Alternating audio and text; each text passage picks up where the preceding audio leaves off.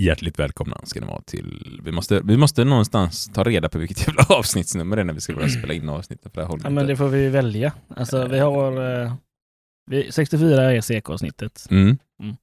65 är... Ja, det får vi, ska det vara detta? Klubbgrejen? Ja, Eller ska det vara sommarspecialen? ja, nej, sommarspecialen. Då är detta 66 då. Men då har jag redan skapat en omslagsbild där det står 66 på ledarskapsavsnittet. Mm, då har vi det också. Ska detta vara 66 eller 67? 67 då. Välkommen ska ni vara till avsnitt 67 av Fuck You Podcast.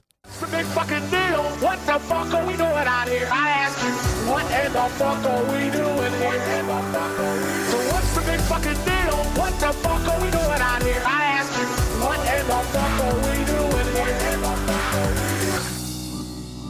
Och där är vi igång med ytterligare ett avsnitt av Fuck You Podcast. Och idag så ska vi prata om någonting som ni har skickat in. Vi har fått väldigt mycket mail om just den här frågan.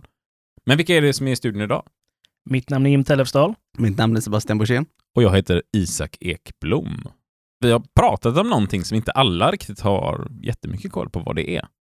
Och det har låtit ungefär så här. Ja, men på min klubb. Klubben. På klubben, Ja, på klubben så... Klubben. klubbarna som... Ja, men det brukar vara så på klubben. Vi i klubben. Klubb. Klubb. Klubben, ja. Klubben. Klubb. Klubb. Klubben. Klubb. Klubben som... Klubbstyrelsen. Ja, det var nog på klubbtiden som... Ja, men alltid på klubb. I klubbarna så... Klubb. Han är ju på en klubb. Ja, jag tycker också om kubb. Mandelkubb eller? Nej, alltså sån gotländsk som man spelar. Nej, då tänker du på Varpa. Ja, värpa heter det, värpa heter det. Det är det jag gillar så mycket. Så där har det låtit lite under poddens gång och det här med klubbar och vad gör man i en klubb? Det, det har vi fått jättemycket frågor kring och vad ska man ha för typ av uppdrag? Vad gör alla personerna i podden? Så det tänkte vi vi ska lägga en stund på att prata om idag. Sen är det ju som så här att ja, men är man engagerad inom Byggnads då kanske man inte har en klubb utan då kallas det för MB-grupp. Det som man skulle kunna likställa med att ha en klubb. Är man i kommunala, men då kanske det rör sig om en sektion. Det, ni kan säkert applicera det här till en mängd olika ställen, men vi kommer att prata om klubb idag och det vi har utgått ifrån, för att vi har en hel del gedigen erfarenhet av klubbarbete. Vad har du haft för uppdrag i klubb, Jim? Jag har ju suttit ersättare i en klubb under det första året. Sen fick jag ta över som ordförande och det har jag varit sedan dess. eh, Sedan Du gick 2017. direkt från ersättare till klubbordförande. Ja, så blev det. Och sen eh, så de senaste fyra åren så har jag varit med i vår koncernklubb också och ordförande sedan de senaste två åren.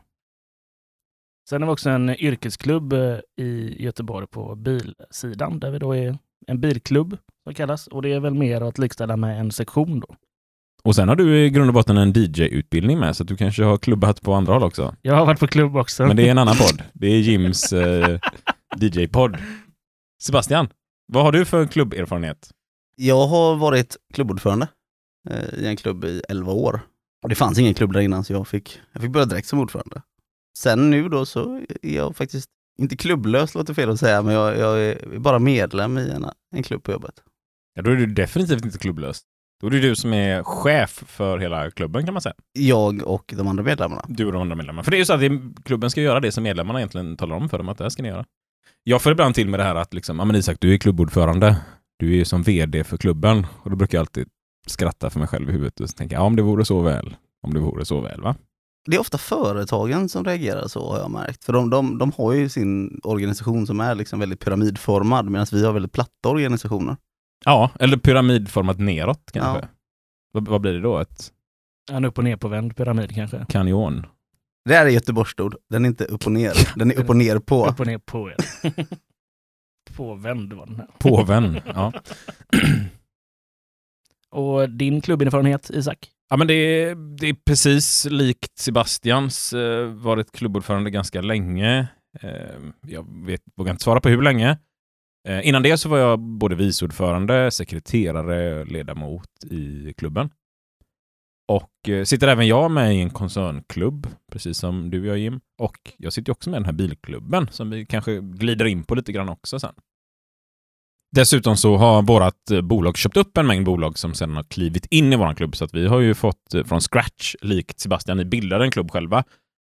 Den fanns ju redan när jag började, var den är från 30-talet. Men däremot så har vi fått liksom implementera den här klubben på bolag som inte haft någon facklig verksamhet överhuvudtaget. Så vi kan väl utgå lite från de här grejerna när vi spelar in dagens avsnitt, Sebastian. Och det var ju lite så exempelvis när vi bildade klubben på min arbetsplats så var jag ju ganska ung och ny och tänkte, vad i helvete gör man?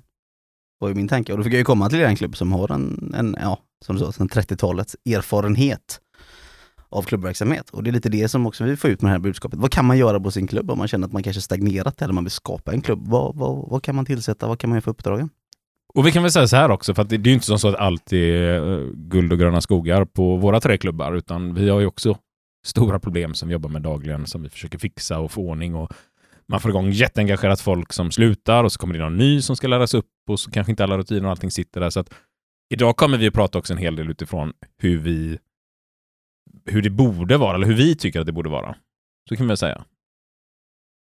Så att, ta nu inte för givet att allt som vi pratar om idag funkar till 110% på de ställena vi har varit på hela tiden. Ja precis, ni ska inte känna, ly- lyssnar du här och så bara oj har de det här? Ja, vi, vi är ju glada om vi bara lyckas få igenom det här en gång eller så. Utan det, det är tanken med uppdragen. Tanken med uppdraget. Mm.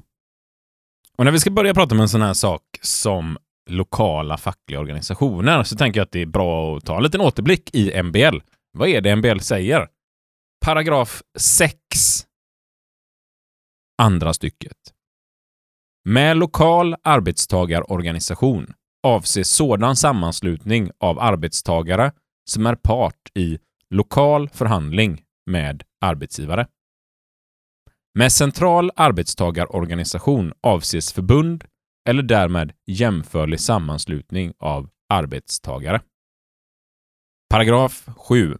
Med föreningsrätt avses rätt för arbetsgivare och arbetstagare att tillhöra arbetsgivar eller arbetstagarorganisation, att utnyttja medlemskapet och att verka för organisationen eller för att sådan bildas. Där har vi två tillbakablickar på medbestämmandelagen. Om vi tar och tittar på den första där, vad som anses vara en lokal facklig organisation. Vad kan vi säga kring det, Sebastian? Ja det är ju där medlemmarna har beslutat på arbetsplatsen att man vill bilda någon form av struktur, om det är, då är en MB-grupp eller om det är en sektion eller om det är en klubb.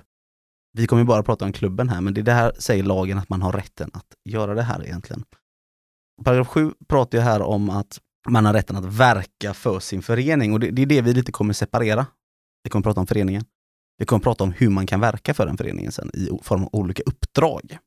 Och det som är bra att tänka på här är att när man har bildat en lokal arbetstagarorganisation, som det heter i MBL, ja, men då är det en hel del saker i MBL som också börjar gälla kring lokala förhandlingar och information och sånt där. Så att, ja, men det är därför vi benämner klubben som lokal facklig organisation. Medan den centralt fackliga organisationen, det är vårt fackförbund. Har man nu då bildat en sån här lokal facklig organisation, så för att ta reda på vad är det vi ska göra, så behöver man ju dels känna till vad sitt egna förbund stadgar säger, för de behöver man någonstans utgå från. Det är ju reglerna för föreningen som man har. Är man då medlem exempelvis i Handels, ja, men då behöver man känna till vad står det i Handels stadgar kring lokal facklig organisation? Vad kallas en lokal facklig organisation exempelvis? Och i i Handels så är det klubb, precis som det är för oss. Och jag tänkte så här, vi kan väl bara titta, vad, vad säger Jims och mitt förbund om våra klubbar? Och då står det så här i stadgarna. Klubb har till uppgift att organisera medlemmar samt bevaka och tillvarata medlemmarnas intressen gentemot arbetsgivaren. Klubben ska arbeta utifrån förbundets stadgar, beslut av kongress, förbundsstyrelse, avdelningens representantskap och avdelningsstyrelse samt i överensstämmelse med lagar och avtal. Ja, men där har ju vi en liten kort beskrivning då i våra stadgar om vad vi faktiskt behöver ta hänsyn till. Så att det gäller ju här då också att titta på, aha, vi ska utgå från de beslut som har tagits på kongressen. Och kongressen i vårt förbund, det är ju vart tredje år som man egentligen sammanställer allt vi ska jobba med. Dit alla kan skicka in en motion. Alla som är medlemmar kan skicka in en motion dit. Och de ska tas upp. Även om min klubb säger att det där var en dålig motion, Isak, vi godkänner inte den. Ja, men då kan jag skicka in den som enskild medlem direkt till kongressen och se vad tycker övriga kongressledamöter om det här, så kan det gå igenom. Och det här ska vi ju sen tillsammans jobba med. Och ibland kan det hända att det är saker man själv kanske inte känner att man står bakom till 100%. Men någonstans är ju grundtanken att vi har bestämt att om vi allihopa slår ihop oss och ställer samma krav, då blir vi starkare. Och det innebär att, ja, någon gång ibland så driver man någonting som man kanske inte till 100% håller med om eller tycker är det bästa. Men å andra sidan nästa gång så backar alla andra också upp en själv när man har fått igenom någonting. Och det tror jag vi någonstans behöver ha med oss i ryggen att ja, allting kommer inte alltid vara perfekt utifrån mina egna åsikter, va? Utan ibland har jag 70 medlemmar som tycker en sak och jag tycker en annan. Och då är det vad de här 70 medlemmarna tycker som jag ska driva om det beslutet är taget. för att hitta den här informationen om vad har tagits för beslut på en kongress, eh, vad behöver jag leta någonstans då? Alltså hos oss eh, går vi till handlingslinjerna framför allt. För att utgå ifrån dem, för det är de vi ska följa. Det är det vi tar som vi ska arbeta efter. Sen kan det säkert hitta olika olika förbund och sådär, men eh, eh för oss är det Precis, och jag sitter också med i ABF och där har vi ett idéprogram. Så att man kan liksom på olika ställen ha tagit beslut om det är det här vi ska syssla med, det här är ändamålet med vår förening. Och de behöver man ju då djupdyka i. Och Sebastian, både du och jag har ju suttit en längre period i våran avdelningsstyrelse, alltså för själva avdelningen i regionen där vi bor. Vad för beslut kunde man ta där som klubbarna sen behöver arbeta efter? Ja, nu var det ett tag sedan så jag försöker tänka. Men det var, det var ju nyckeltal man exempelvis skulle jobba efter som man hade tagit i handlingslinjerna på kongressen och det var ju eh, 100, 85, 30 och 0. Och det var ju saker man skulle efterleva de här siffrorna och då var det då 0, 0, 0 döds. 100 procent arbetsplatser ska ha fått ett besök från facket. 85 procent av medlemmarna som kan vara medlemmar ska bli medlemmar i IF Metall. Eh, 30 procent representation och representativitet i eh, beslutande organ och noll död- Noll dödsolyckor. dödsolyckor. Och det är viktigt att man har koll på de här så att man inte vänder på det. Så att man utgår ifrån att det ska vara 100 dödsolyckor, 0 procent av klubbarna ska ha fått ett besök och lite sådär. väldigt viktigt. Väldigt det där. 30 procent medlemmar. Ja. Det, så det gäller att ha koll på de här siffrorna. Så det, det kan vara exempel att man efterlever det och likadant att man efterlever klubbarnas önskemål upp mot förbundet. Sen så står det också att vi då ska följa lagar och avtal. Vilket betyder att vi får inte som klubb hitta på någonting som strider mot de gällande avtalen som finns eller villkoren som finns på arbetsmarknaden. Men det, och det kan vara alltifrån att vi förhandlar in sämre villkor och lönedumpar vårt egna förbund eller att vi exempelvis går ut i en strejk fast det finns ett kollektivavtal påskrivet och fredsplikt råder. För det kan ju skada någonstans hela organisationen. Så vi har lite regler vi behöver förhålla oss till. Och det här är ju saker och ting som vi allihopa ändå har varit med och bestämt representativt på vår kongress. Så ta nu du som lyssnar också möjligheten här nu och pausa lite och klicka dig in på ditt förbunds hemsida titta vad hittar jag stadgarna för min förening och hittar jag någonstans kongressmål eller ett idéprogram eller en handlingslinje eller någonting och ha dem med er under avsnittet. Ja, Jag uppskattar inte riktigt att vi har en pausa på den. Lyssna klart på podden, sen gå in och kolla. Och så spola tillbaka och lyssna om. För jag får en känsla av att Isak kommer hänvisa till tusentals grejer för att ska kolla upp i stadgan under det här avsnittet. Det Så risk. ta fram lite papper, penna, anteckna vad Isak bett mig kolla upp. Ja. Så gör vi. Vad sysslar nu då klubben med när vi väl kokar ner detta, Jim? Vad, vad är det ni gör i er klubb? Vad, vad är det ni ska hålla på med? Ja, men till att börja med då kanske det är att organisera medlemmarna. Det känns väl väldigt lämpligt att börja med. Eh, så att folk är medlemmar. Så vi har några företrädare. Eller ja, de ska se till så att eh, vi eh, kan förhandla för dem helt enkelt. Åt andra hållet. Och givetvis också alltså sitta och förhandla och ta alla de här frågorna om anställningsvillkor, arbetsmiljö, arbetstagarorganisation, kompetensutveckling, lönesystem, alltså en hel del av det vi har pratat om i podden. Alltså nästan alla avsnitt vi har gjort handlar ju någonstans om vad måste vi göra som klubb? Och ibland måste vi göra saker utanför klubben också. Men det får vi spara till ett annat avsnitt. Men det handlar ju om att få folk att, att få den närheten till facket. Att inte det bara är ett kontor någonstans längre bort som man kan besöka eller ringa om man har frågor, utan man ska ha någon där på plats som kan, eller några som kan ens frågor. Ja, men som aktivt företräder det jag själv känner. Precis. Och i slutändan också så behöver ju faktiskt klubben ha ett par individer som försöker att driva frågor politiskt också. Så är det. Absolut, alltså det är, mycket saker påverkar ju en arbetsplatsen där. Jag kan ta exempel på en politisk eh, fråga som vi tre, det var liksom. Du ser inte lyssnarna att Sebastian gör citationstecken här också. Ja, men det, det, det är väl ändå så en politisk fråga i slutändan, för det, det, det handlar om, det påverkar även Jims medlemmar. Vi jobbade ju i samma område där Ja, förut. precis. Och då, då var det mängder med hål i vägen. Och det, det kan sy- syfta på kanske löjliga banala frågor, men i slutändan blir det också en kostnad för mina medlemmar på arbetsplatsen att de varje dag får köra över gigantiska hål i, i asfalten. Och, och då kan jag säga som har varit handledare i många år, jag har ju hört alltså tusentals personer klaga på de här potthålen på vägen ut till det här stora industriområdet där du arbetade. Arendal. Det Eh, finns också andra industriområden, Högsbo, Ja. Sivman och sådär. Men i det här fallet var det Arendal och det var så mycket hål där. Och då, då blev det till slut att jag fick ju börja kämpa liksom för att få bort de här hålen. Men det var ju ganska lätt. Alltså det var ju bara att man hör av sig till kommunen i det här fallet. Men det var bara att ingen gör det. Jag tror det är väldigt svenskt, man klagar, klagar, klagar och hoppas att någon känner någon. Men i det här fallet så hörde jag aktivt av mig och skrev lite så här känsloargument och allting kopplat till vägarna liksom. Men att det här måste åtgärdas. Det tog två veckor, sen var arbetet igång och de började laga alla hålen. Och det, det är exempelvis en politisk fråga. Men en annan politisk fråga kan ju vara, alla har inte bil. Då behöver man ta sig dit kollektivt. Finns det en busshållplats på arbetsplatsen? Jag kan ta en annan stor underleverantör till den stora bilfabriken i Göteborg. Eh, deras medlemmar fick gå ungefär i 20 minuter för att ta sig till arbetsplatsen. Den här arbetsplatsen hade typ 800 anställda, vilket är ganska många som åker kollektivt. Ja, det kanske är svårt om man är fyra personer någonstans och liksom kräver vi vill ha vår egna busshållplats. Mm. Men är man på en stor arbetsplats så Ja, det kan gå på en liten också. Oftast finns det stopp på vägen. I det här fallet så lyckades de till slut och då fick de ta dit kommunpolitiker för att få dem att fatta att här är ett problem. Folk går, det är farligt, det finns ingen riktigt bra asfalterad väg. Hur kommer folk till jobbet? Och arbetsgivarna är också med på det här spåret att det här behövs ju. Så det här kan vara också att jobba politiskt för medlemmarnas intresse. Och sen hela vägen upp även till riksdagen då kanske med våra arbetsmarknadspolitiska lagar som vi också behöver någonstans vara med och påverka. För gör vi inte det så kommer vi troligtvis sitta med sämre lagar. Och, och det är ju det här som kan få att, alltså det är ju ganska mycket man ska efterleva. Att förbättra anställningsvillkoren, arbetsmiljön, organisationen, kompetensutveckling. Eh, och det kan ju lätt bli så att medlemmen upple- upplever att man inte gör det man ska.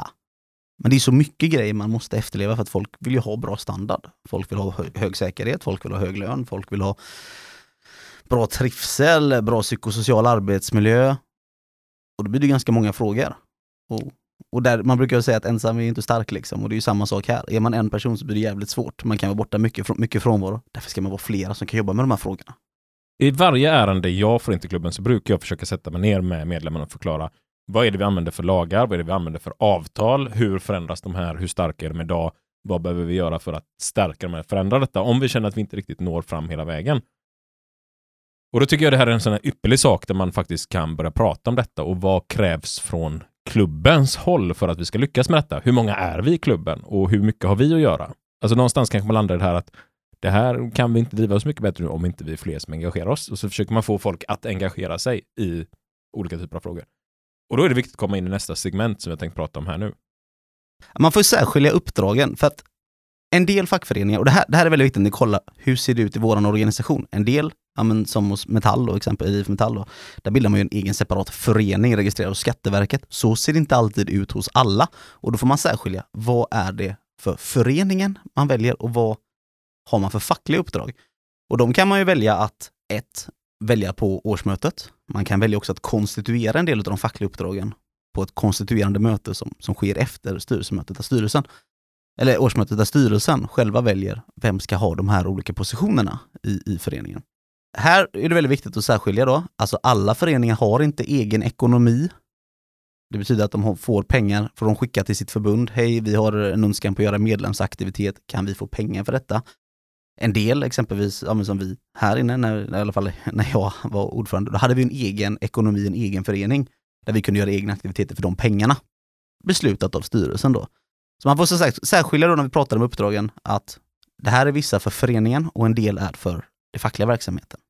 Och är ni en egen juridisk person, alltså har ni ett eget organisationsnummer, så finns det ju en hel del andra regler, inte bara inom ert förbund, utan kanske hos skattemyndigheterna och hos bankerna som man behöver ha koll på också. Och om du har en registrerad förening, en klubb som är registrerad förening, då behöver du alltid ha en ordförande, en kassör och en sekreterare. Och den här sekreteraren kan vara kassör om du har ytterligare en ledamot eller sådär. Eh, men man behöver minst vara tre stycken. När man har haft ett årsmöte, eller på årsmötet, då ska man välja vissa personer. Och då ska man välja en ordförande. Man kan då välja en kassör om man då har en registrerad förening. Man väljer en ledamot slash sekreterare, om man nu har det på det sättet. Annars väljer man ordförande, kassör, ledamot. Och den här styr- ledamöterna kan utökas efter behov för styrelsen. Man väljer suppleanter eller ersättare, man väljer revisorer och valberedning. De här personerna blir valda på årsmötet att verkställa föreningens beslut. Alltså det som man tar på årsmötena. Och här behöver man också titta i sitt respektive förbund, vad som står i stadgan, om det finns någonting mer, eller om det finns att det ska minst vara fem, eller det ska vara elva ledamöter, eller vad det brukar vara. Det brukar ju alltid vara ett ojämnt antal. Och hur många ersättare till detta man ska ha. Ja, exakt. Och, och, och hur man går in i som ersättare i någon ställe eller om man är personlig ersättare. Men det kommer vi komma igenom. in på sen. Men det är som sagt, här tar man beslut på, det här vill vi att föreningen ska driva igenom. Det kan vara att man ska minska arbetstiden eller införa en semestervecka eller vad det nu än kan vara. Det är det, det man tar beslut om där, att det ska föreningen verka för. Och det är de i styrelsen som, som har i uppdrag att verkställa det. Det betyder inte att ordföranden behöver vara en viss roll eller att eh, en ledamot behöver ha en annan roll, utan det här är vad föreningen ska göra. Det är det man tar beslut på det här mötet. Och det här gäller ju alla föreningar oavsett om det är en eh, fackförening eller om det är en eh, vägförening. Bara för att ta exempel. Så, att, så att det är ändå så viktigt att man särskiljer att man väljer inte roller här, utan här väljer man personer att sitta i styrelsen. Hur många ska man vara i en styrelse då? Det reglerar ju stadgarna skulle jag säga. Jag är dåligt påläst på det här. Hur många är ni hos dig, Jim? Vi är fem stycken eh, ordinarie eh, i klubben lokalt då, och så har vi två ersättare. Ja, under min tid så var vi fem ordinarie och två ersättare. Vi är nio stycken ledamöter hos oss eh, ska vara. En vakant plats just nu och inga ersättare. Så det kanske inte är så bra. Och vi har funderat på att utöka till elva styrelseplatser. Ni är en väldigt stor organisation så det är ju väldigt rimligt. Ja, och här finns det också klubbar som är ännu större som har bestämt att de har eh, gruppstyrelser som ligger under den här klubben också. Så att alltså det, man kan ju utveckla det jättemycket beroende på hur det ser ut och titta med sitt förbund. Vad, vad, vad behöver vi? Hur ser det ut? Vi har också diskuterat att ha gruppstyrelse eftersom vi har flera olika bolag som går under samma klubb. Så vi har ju fem olika arbetsgivare som vi förhandlar med egentligen. Så har ni flera anläggningar också där medlemmarna finns helt utspritt. Precis över hela- 18 olika verkstäder utspritt med massa olika avdelningar på varje. Så vi har också diskuterat, ska vi ha lite gruppstyrelser och sånt här? Och då kan vi ha en som en klubbstyrelse under klubben. Med visst tilldelat mandat. Och det här får man titta lite i sitt förbund också. Vad finns det för möjligheter vi kan göra? Jag tycker att alltså, allt är värt att utvärdera. Ska vi ta, börja titta på den här ordföranderollen då, och även då vice ordföranderollen? Hos oss väljs ordförande. Och då väljs man på två år. Enligt stadgarna. Vice ordförande. Den väljs inte. Den väljs inte på årsmötet, gör den inte. Men den väljs ju ändå På vad då? på ett konstituerande möte utav styrelsen. Så att det är någonstans ändå medlemmarna som varit med och påverkat vilka som kan De har ju bli. valt vilka som ska kunna välja vice ordförande. Man kan inte bara gå ner och hämta sin polare där så man känner att vi funkar bra ihop. Nej, det stämmer. Ordförandens roll är ju att samordna verksamheten, att, att se till så att man följer verksamhetsplanen som man kanske beslutar av styrelsen eller på årsmötet. Så här ska vi jobba under nästa år. Eh, se till att alla vet vad de ska göra och vem som gör vad och följa upp hur det går. Ordföranden har också en viktig roll som bollplank och stöd för de övriga förtroendevalda. Det är oftast kanske den personen som har mycket kunskap och erfarenhet om hur verksamheten fungerar på arbetsplatsen för att kunna vara ordförande. Men egentligen, alltså kort och gott, det ordförande gör är att hålla i mötena. Man ser till att mötesordningen fungerar som den ska och att ja, mö mötet hålls på rätt sätt. Sen egentligen behöver inte ordförande göra någonting mer än det. Nej. Det är väldigt vanligt att ordförande gör allt. Ja, väldigt mycket. Ser det ut så hos dig Jim? Ja, men det är rätt ofta jag får ta tag i ganska mycket grejer i alla fall. Men det underlättar också efter att jag har mer tid för det. Ja, för det är ju nästa fråga då. Att det, det kanske är som så att väldigt ofta så för, för den förtroendevalda som blir ordförande loss lite mer tid än övriga för att man anser att det behövs. Men, men här återigen en sån här grej där jag tycker att man kan försöka tänka åt andra håll. Alltså man kanske kan ha en ordförande som bara ser till att ja, men den interna organisationen rullar på som det ska. Eh, bevakar att mötena är utplanerade, att eh, sekreteraren har förberett det som ska till mötena, att folk vet om när mötena är och så man ser man till att hålla det mötet och se till att besluten som tas följs upp. För det, det är en väldigt viktig del för ordförande att de beslut som tas följs upp. Ja, och rent formellt är det ju det en ordförande gör.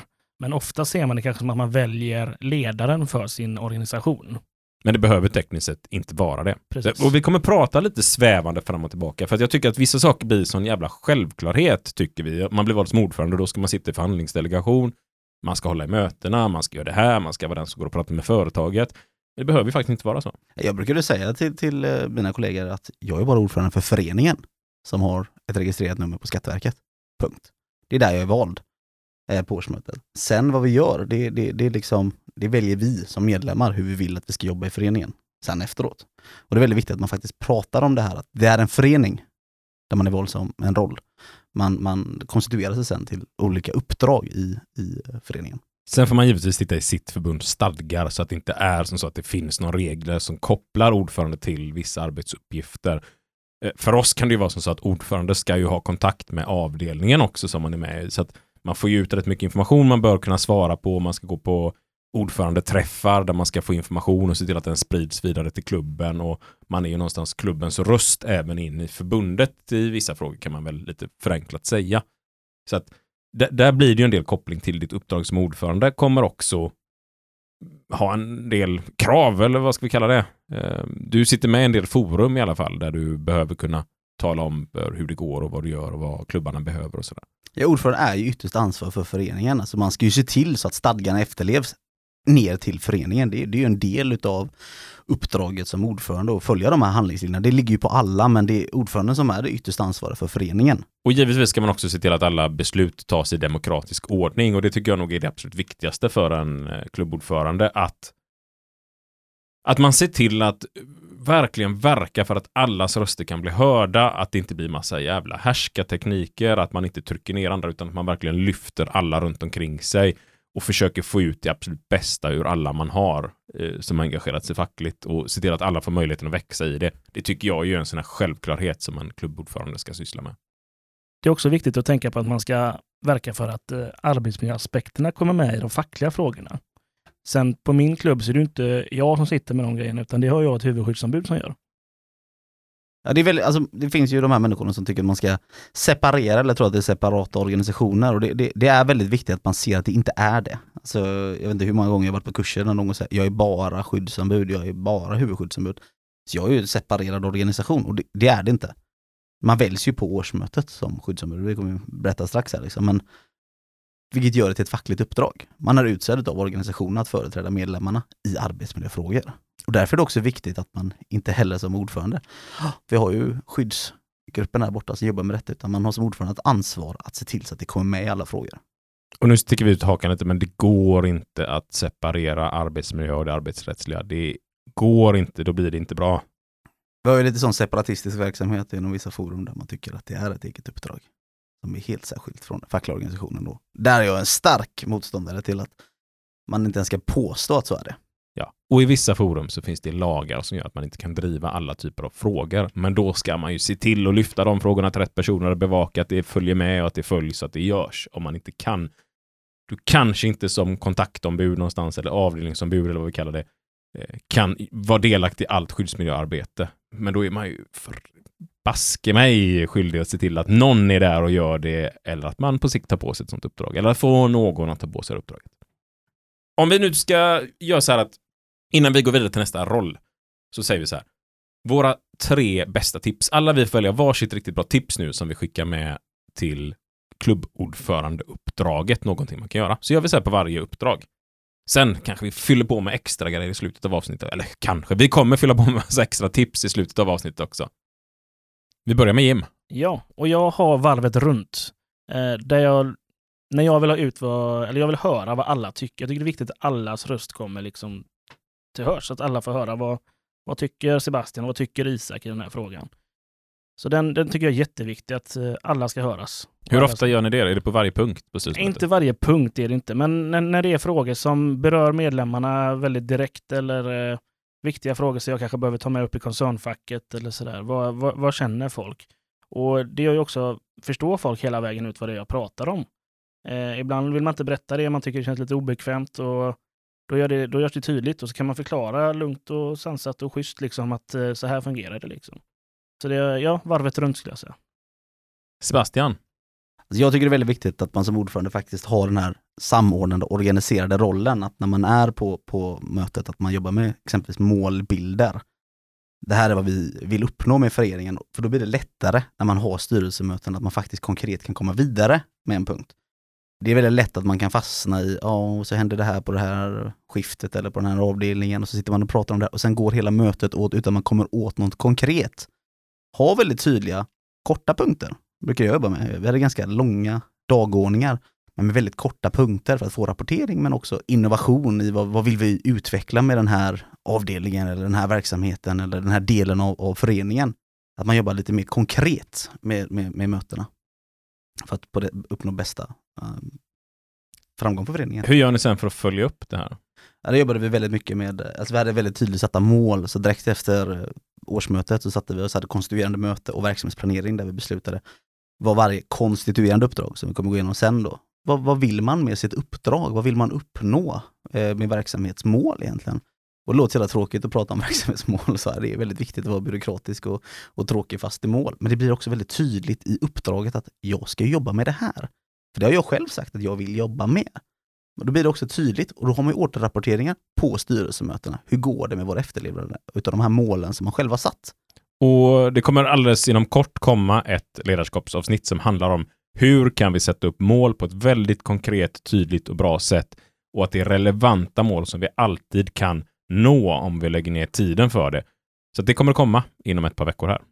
Ja, hur jobbar ni då Isak? Vad är ditt, vad är ditt bästa tips? Ja, men då vill jag skicka med det här med att det är väldigt farligt om beslut tas av ett fåtal personer hela tiden om man inte lyckas involvera alla i besluten. För då får man lätt en organisation där, ah, ja men, ah, ja, men du vet ju alltid så gör du allting. Och om man inte känner att man kan ifrågasätta eller vågar ifrågasätta eller förstår vad hela beslutet är baserat och taget på, utan att man bara tänker att "Ah, ja, men de har bättre kunskap än mig, de har bättre kunskap, ja, men då kommer vi inte få en välfungerande organisation där alla är engagerade. Så att jag tycker att en fantastisk sak att göra är att lägga upp så att man har så kallade sokratiska samtal som vi får spela in ett litet avsnitt om också. Känner jag nu när jag säger det här. Där man helt enkelt utser en person i gruppen som får vara ifrågasättande. Det är något som ganska många kan ha svårt med ibland att sitta och vara ifrågasättande till beslut, speciellt när det finns lite auktoritet hos vissa personer eller en hierarki i en organisation. Och då kan man rulla runt på den här tjänsten. Så att eh, ena dagen så är det Sebastian, nu får du i uppdrag det här styrelsemötet att bara ifrågasätta allting som vi säger och liksom, ja men är det verkligen så? Vad händer om vi gör så då? Jaha, vad händer om vi gör detta? Och då någonstans tränar vi upp varandra på att komma med väldigt bra argument. Alltså vi övar upp vår förhandlingsteknik och framför allt så tvingas vi tänka igenom våra beslut och våra förslag. Är det så genomtänkt? Har vi nu verkligen tagit fram någonting klokt som håller? Lite tillbaka till de här fem varför som vi har pratat om. Va? Varför då, varför då, varför då, varför då, varför då? Det ska hålla fem varför, annars är det inte så genomtänkt det man har att komma med. Så att det vill jag skicka med. Kassör. Och vad passar inte bättre då än Fucky Podcast alldeles egna kassör? Jim. Jag skulle då säga att eh, det viktigaste är att bokföra allting ordentligt. Det, där ska vi börja. För det är vad kassören ska sköta. Sen är det då att attestera så här verifikationsunderlag som vi har skrivit upp här fint. Vad betyder det? Ja, Det är ju då, eh, verifikationer kan ju vara kvitton till exempel. Och attestera är ju då att vi skriver under att det här kvittot är korrekt eller giltigt eller så. Revisionen, se till att allting är skött inför revision och det är det man gör med bokföringen. Sen har vi ju pengarna då såklart. Man har koll på kontot och ser till att vi har pengar till det vi ska göra. Och kommer är det någonting vi ska hitta på så ska jag lägga fram eh, vad det här kostar kanske. Liksom att eh, det här kostar så här mycket, det kommer påverka vår ekonomi så här mycket. Sen har vi eh, budget inför ett årsmöte eller eh, inför, ja, i, i, sen har vi vår eh, biklubb där, Ja, där är det ju en väldigt stor budgetarbete, så där behöver man ju lägga ner lite mer tid. ja men precis, och jag är ju kassör där också. Så där har vi, vi tar budget på höstmötet och så tar vi ekonomisk berättelse då som man har sen då på årsmötet. Och där får man ju också, eller får vi pengar från vår avdelning för att bedriva den här verksamheten. För det är någon annan som godkänner vilket kapital vi får. Precis. Men om man har sin egna juridiska enhet där man får sina egna pengar och styr över pengarna själv, behöver man göra en budget då? Alltså, det är inte ett måste, men jag rekommenderar starkt att göra det. Så man vet hur mycket pengar man ska använda istället för att ta det lite som det kommer. Då står du helt plötsligt och kanske inte riktigt har råd med det du ska göra. Eller så har du inte gjort det du ville göra. Och det är också en problematik.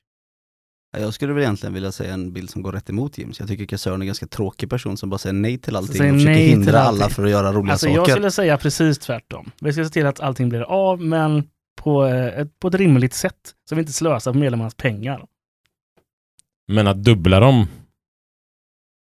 På ett kasino, nej tack, säger eh, kassören här i den här föreningen i alla fall. Och det är som, som du sa, vi ska också framhäva en utop, utopisk bild. Hur vi ska, och det är en förening utan kassör.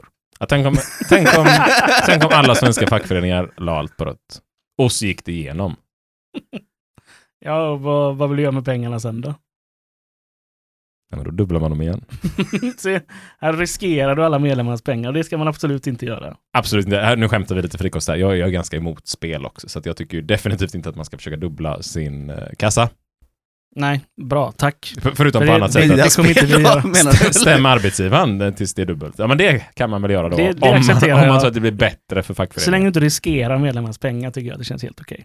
Men du ska också rapportera till styrelsen, så här ser det ut ekonomiskt, Ja, att alla, alla är involverade i ekonomin. Det är ju väldigt viktigt att man särskilt att inte i slutet på året bara, ja, vi har också gått minus 10 000 så att alla vet det här nu. Jag tycker att våran före detta kassör som gick i pension, Marco Allenparte, han eh, gick ju till våran bank och sa till att nu vill vi ha sånt här. Så det måste vara två personer som godkänner alla utbetalningar. Två i förening. Två i föreningen. Det var gör irriterande tyckte jag som ordförande behöva varje gång han betalar att gå in och godkänna detta. Men det är ju otroligt bra att ha ett sånt system. Varför man vet aldrig vad som händer med de som sitter i en styrelse, med kassören, med klubbordförande, vad det kan tänkas vara. Så det kan dyka upp problem i folks liv som gör att man tänker att jag ska låna lite pengar, jag sätter tillbaka dem snart och så skiter det sig. Eh, så jag tycker att det är klokt att man någonstans har hängslen och livrem eftersom det är föreningens pengar och människor kan hamna i tråkiga sitsar. Så att jag tycker att det är ganska bra att man inför ett sånt här system att man helt enkelt måste vara två som attesterar alla utbetalningar exempelvis. Vad säger du om det Jim?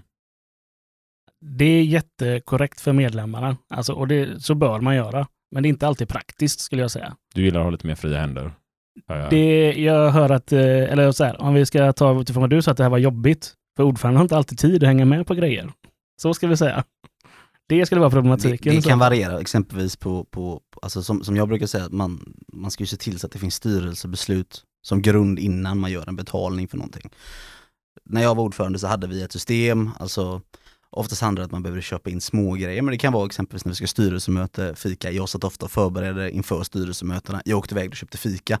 Och rent krasst då, om man inte har någon delegationsordning som vi hade, ja, då skulle jag behöva ha ett styrelsemöte innan styrelsemötet för att ta beslut på att jag kan gå och handla fika för en viss summa. Och då hade vi en viss summa jag kunde gå och handla för exempelvis då. För typ små utlägg under en månad. Och det var inte så att jag kunde göra Eh, kan du dela upp det här köpet på den här bilen på, på 60 gånger? Eh, så liksom, utan det var ju att jag hade en viss summa varje månad. Och så rapporterade jag av på styrelsen och likadant kassören då. Så här ser det ut ekonomiskt nu.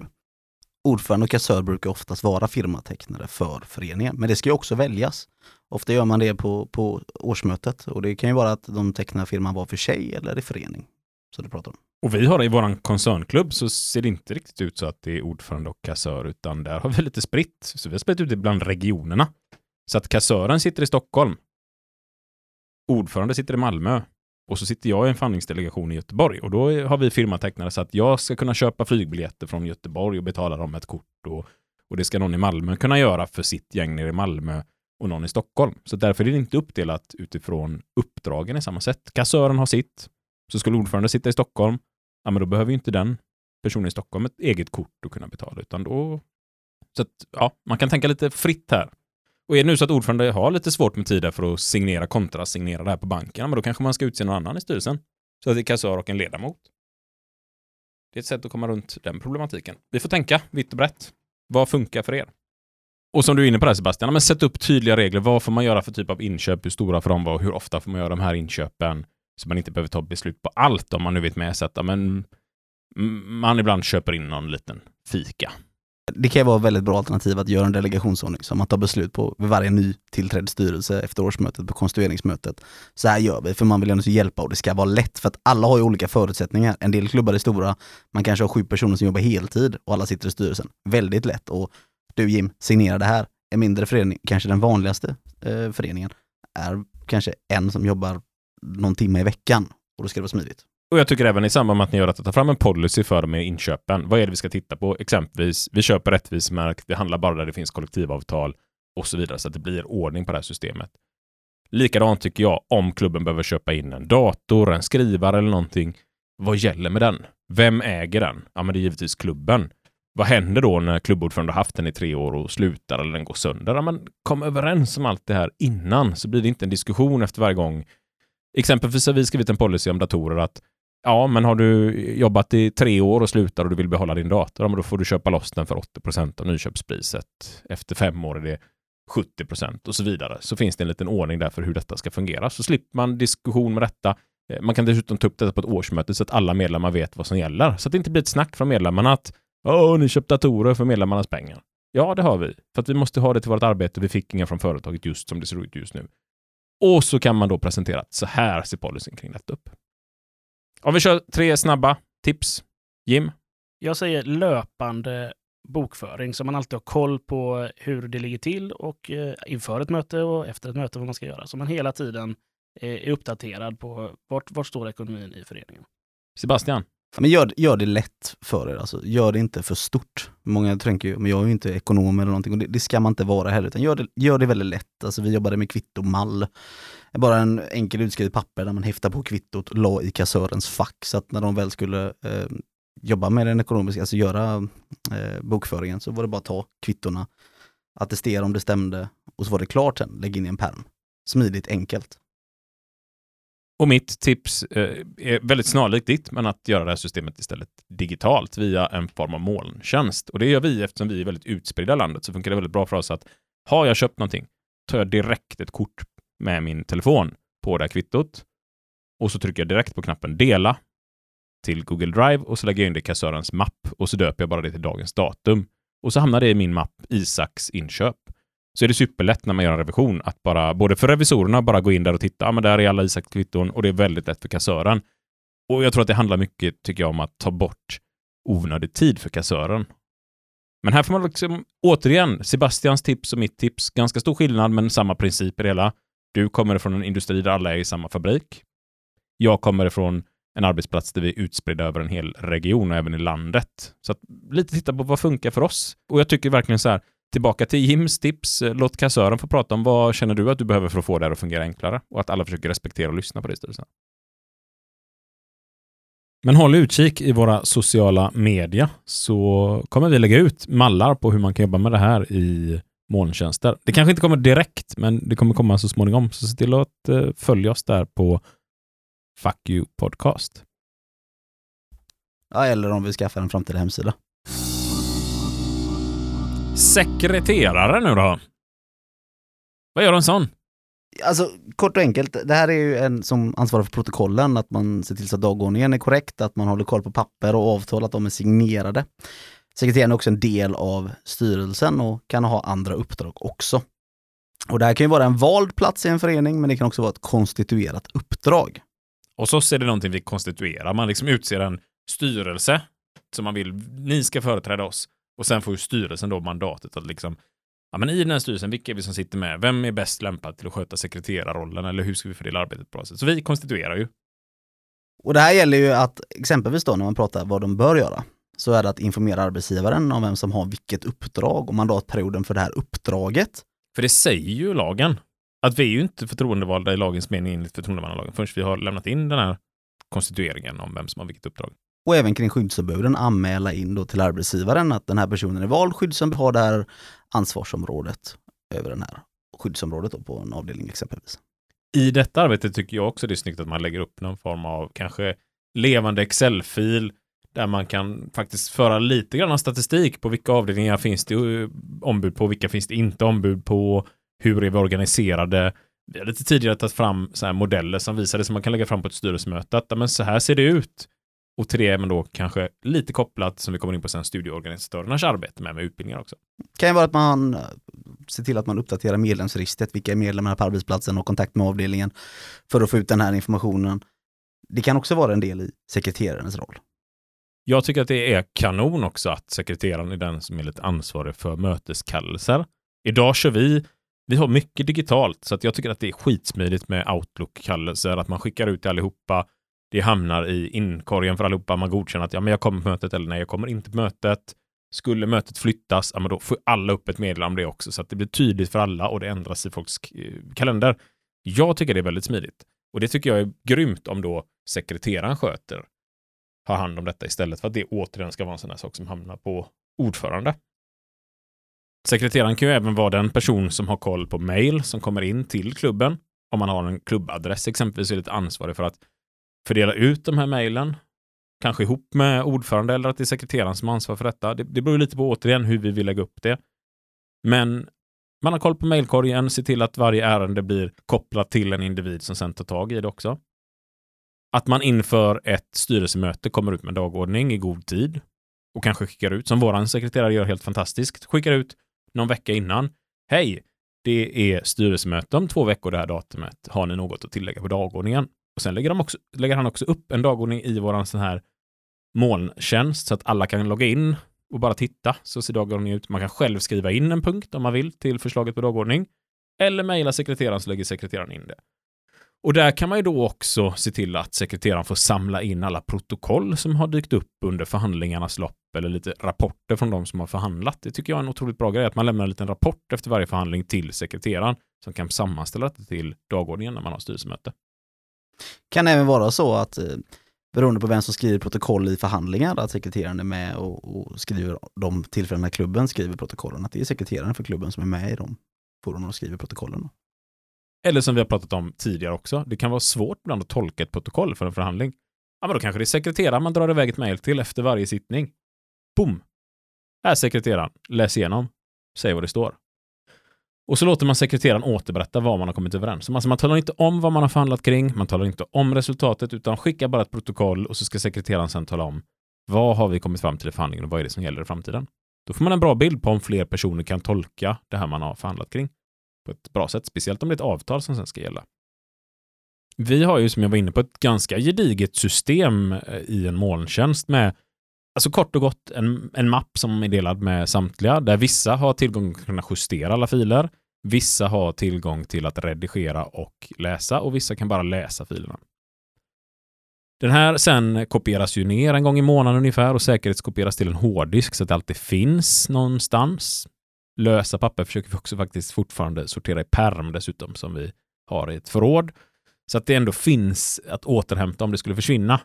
Eh, vi kör också två molntjänster, så vi faktiskt säkerhetskopierade till en annan molntjänst också från ett helt annat bolag för att de har sina servrar i olika länder. Man vet ju aldrig vad som händer med eh, IT-kapning och sånt där. Och här är det ju alldeles uppenbart då att sekreteraren kan vara den som ansvarar för att det här systemet, att protokoll hamnar på rätt ställen i det här systemet. Att man är med och bevakar att mapparna finns, behövs det skapas nya mappar. Ja, men nu är det år 2023, men då kanske man ska lägga in så att kassören har sin 2023 års mapp, revisorerna har sin 2023 års mapp. Se till att man har en verksamhetsberättelse som eh, kommer in i 2023 års mapp och man börjar uppdatera den successivt under året. Man kan ju faktiskt sitta redan nu och börja fylla på sin verksamhetsberättelse inför nästa års möte. Nu ska det inte heller bli så här att sekreteraren är ansvarig för allting. Ja, men det tänkte jag, att sekreteraren gör Ja, allt som det- ordförande ska göra. Så, så har vi fått ner den här Ja, det är jättepraktiskt. Nej, men så här, hjälpa till att strukturera upp och hålla ordning på grejer. Jättebra, men ansvaret ligger på alla att sköta i sin bit av uppdraget. Absolut. Så att, så att sekreteraren kanske ska ansvara för att se till att man har alla i styrelsen tillgång till den här eh, drive-systemet då, eller har man tillgång till arkivskåpet nere i källaren och vet var nyckeln finns och sådär. Eh, det kanske är det man kan ansvara för, men att sen att alla är ansvariga för att se till att sina bitar sköts i detta. Jag tycker samma sak med dagordningen. Jag tycker att sekreteraren kan lägga upp dagordningen så att den finns inför nästa möte och sen att alla själva loggar in och lägger till det man vill ha med på dagordningen. Det tycker jag är kanonbra att göra. Våra tre bästa tips då på sekreterarrollen. Om vi börjar med Jim. Ja, då kommer jag säga att ha koll på protokollen och vänta inte med signaturer. Nu, nu pratar jag från erfarenhet, för det har varit problem ibland när man, ja, man har protokoll som man ska använda kanske till bankärenden eller någonting. Då, då behöver de finnas färdiga så att man slipper hålla på att springa runt och leta efter. Sebastian. Men det handlar om att försöka jobba strukturerat och, och göra mallar för saker och ting, göra ditt jobb lättare. Försök inte hitta på nya saker utan försök hitta ett sätt som fungerar för dig. Alltså det kan vara att ta fram en färdig mall på ett, på ett mötes dagordning ska se ut exempelvis, eller ett årsmöte. Försök jobba efter den. Självklart kan den ju ändras, men att jobba på det sättet så blir det lättare. Isak? Ja, men då skulle jag ju säga att avsätta tid både för och efter mötena.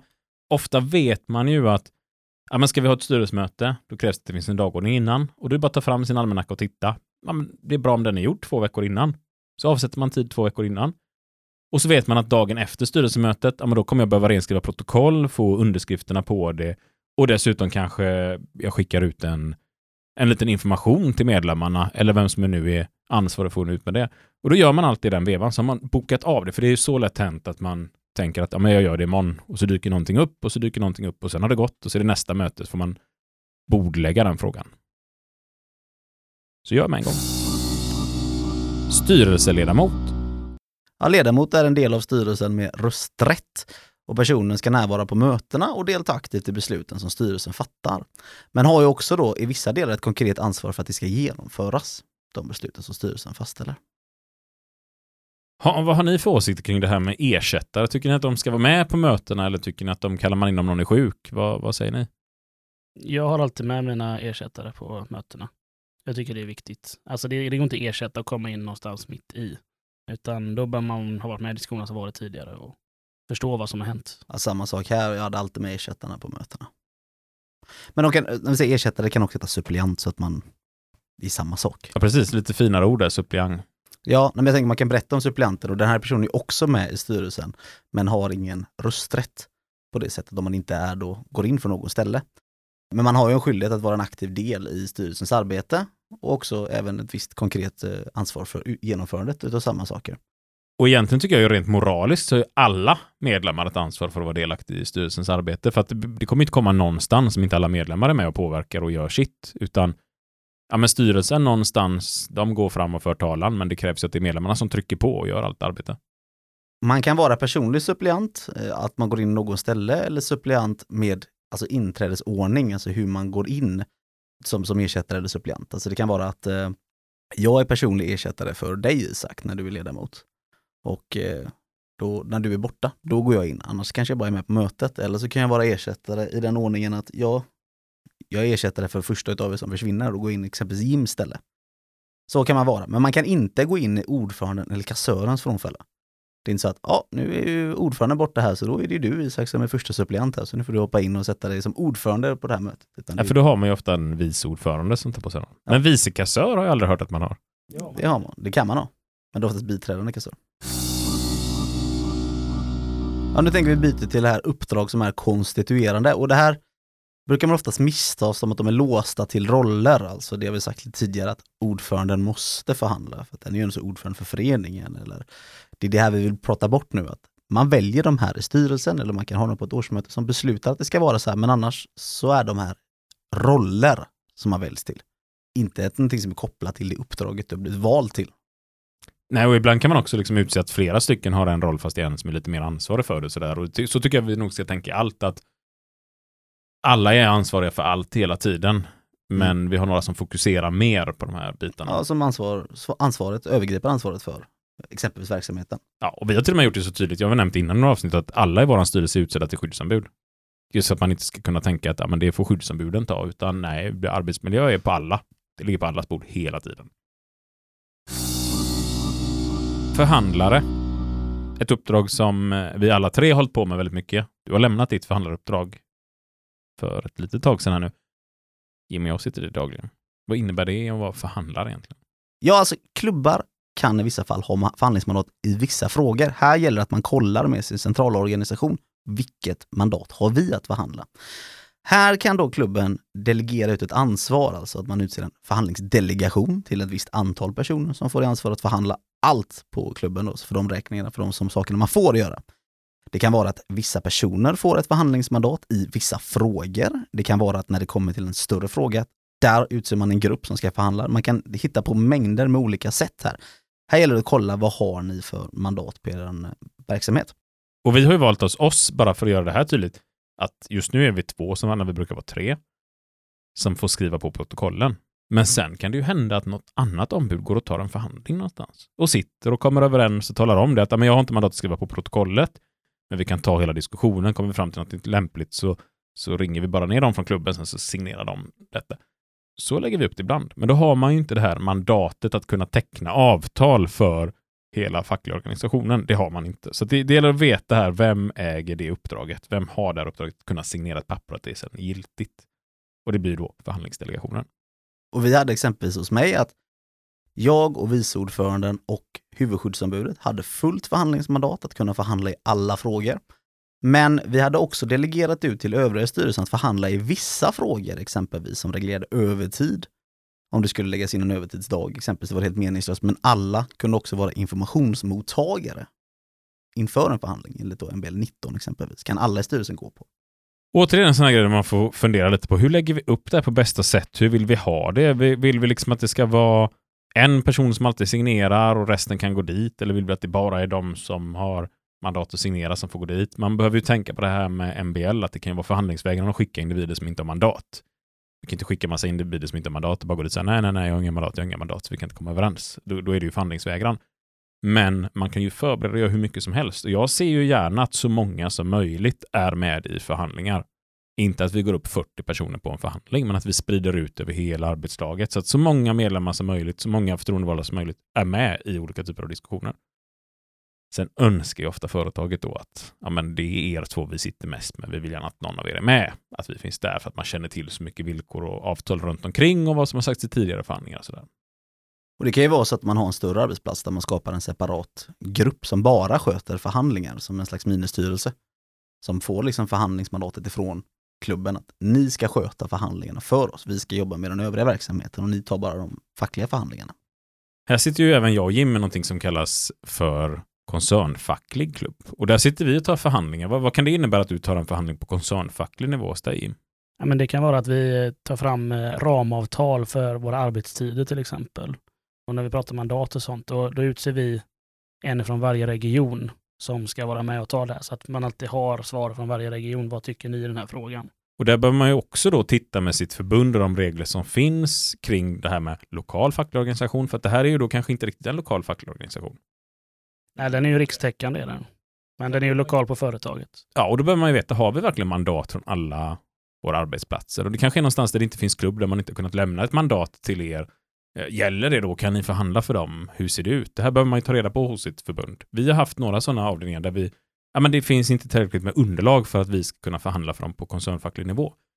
Då kan vi förhandla, ta emot informationer, vi kan förhandla om organisation, ta fram ett nytt system, men sen måste det ändå förhandlas in med en ombudsman i den avdelning där vi inte har någon egen fackklubb.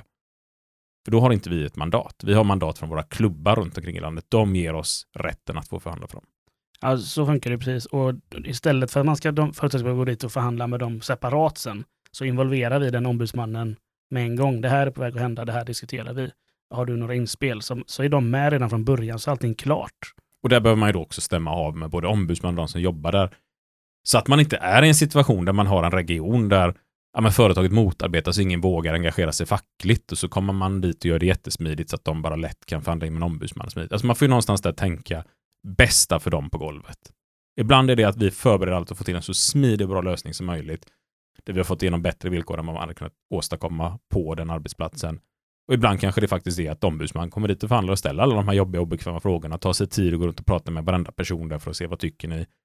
Och, och det kanske inte går lika smidigt för att i slutändan vill vi ändå att varenda arbetsplats ska ha förtroendevalda som förhandlar för sig.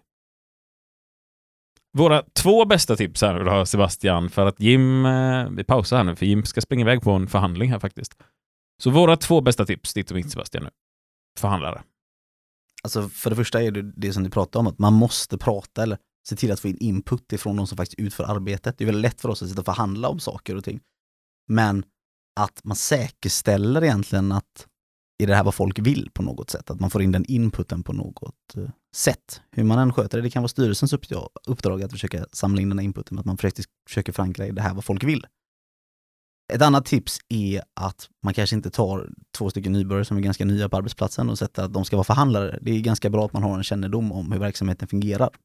Mina två tips här är då fortsättning på det, efter avslutad förhandling. Se till att nå ut med informationen till så många ni bara kan och tala om så mycket som möjligt. Vad fanns det för alternativ? Varför landade vi där vi gjorde? Vad, vad hade vi för hjälpmedel? Vilka lagar använde vi? Varför kunde vi inte komma längre med de lagar som fanns? Alltså ut med så mycket info som ni bara kan.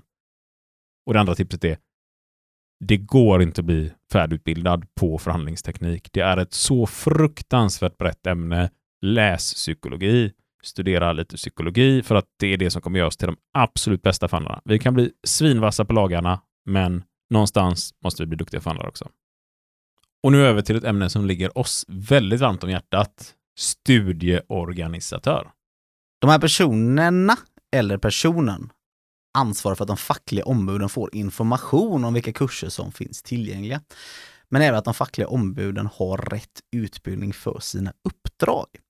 Man kan säga att i vissa fall så sköter studieorganisatören allt ifrån anmälan till att söka ledighet för personer som ska gå på kurs. Och det kan ju vara klokt att det är en person som faktiskt är utsedd. Det är superbra när medlemmarna bara kan gå in och anmäla sig till kurser och åka på höger och vänster. Jag tycker det är grymt, men det kan ju vara bra att någon har en liten överblick av detta så man kan dels titta lite på vad, vad är det för kurser som folk vill gå? Kan vi få iväg med någon annan samtidigt? Om man vet att ah, men nu har vi tre medlemmar som anmält sig till den här medlemsutbildningen. Uff, jag vet en person som skulle verkligen behöva bli pushad och åka med. Jag försöker övertyga den personen också att åka med. Jag tycker det är jättebra. Och också kontakten med företaget där ibland så att inte man får ett sånt här jobbigt samtal att eh, vad är det som händer nu? Det är 29 personer borta samtidigt på en avdelning där det bara jobbar 17. Eh, där vill man ju inte kanske hamna alla gånger så att man får diskussioner, utan någonstans vill vi att det här ska flytta på så bra som möjligt och att företaget också ska tycka att det är bra att vi kommer iväg och vidareutbildar oss, kompetensutvecklar oss och stärker vår självkänsla, vårt värde som människa i samhället så att man lär sig sina rättigheter. Så ett enormt viktig roll. Här brukar vi också prata om, vi gör något som heter gapanalyser, där man tar och tittar lite på de förtroendevalda på arbetsplatsen.